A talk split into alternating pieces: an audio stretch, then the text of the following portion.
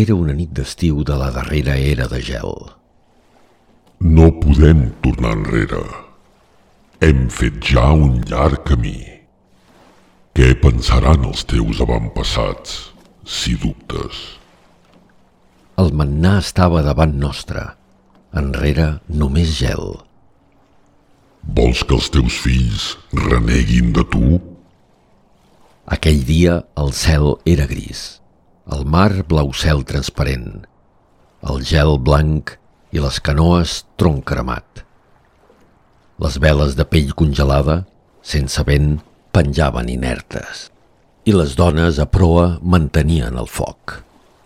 Rumb a l'oest, des de la costa nord de la península, vorejàvem els cingles glaçats.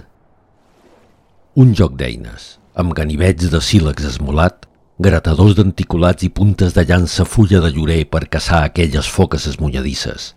Pells de cèrvol vermell per cobrir-nos i branquillons per al foc eren tot l'equipatge. Trenta llunes i encara penses que no veurem el verd ni que serem a peu? Jo no sentia la veu dels avantpassats, però al vespre del dia més llarg del cicle solar em va arribar des de la posta de sol l'aroma de les bèsties de pèl llarg i dents corbades. A les platges de les nostres mares, els seus fills s'escarrassaven per trobar closques i eriçons. Havíem de marxar. Les terres del gran continent no ens oferien mannà, ni al nord glaçat ni a l'est, d'on havíem arribat.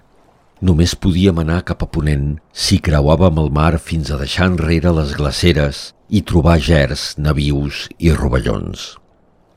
Els peixos i les aus ens farien companyia fins on ningú ens esperava, on trepitjaríem per primer cop i veuríem paisatges mai coneguts i ocells de mil colors. Confia en el teu destí i trobaràs un nou món. La darrera nit de gel va ser curta.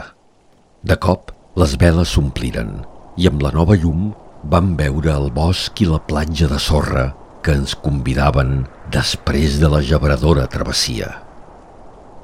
Fa moltes estacions que vam deixar la nostra vella terra.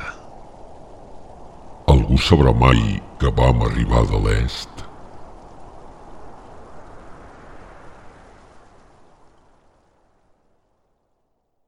Cap a un món nou.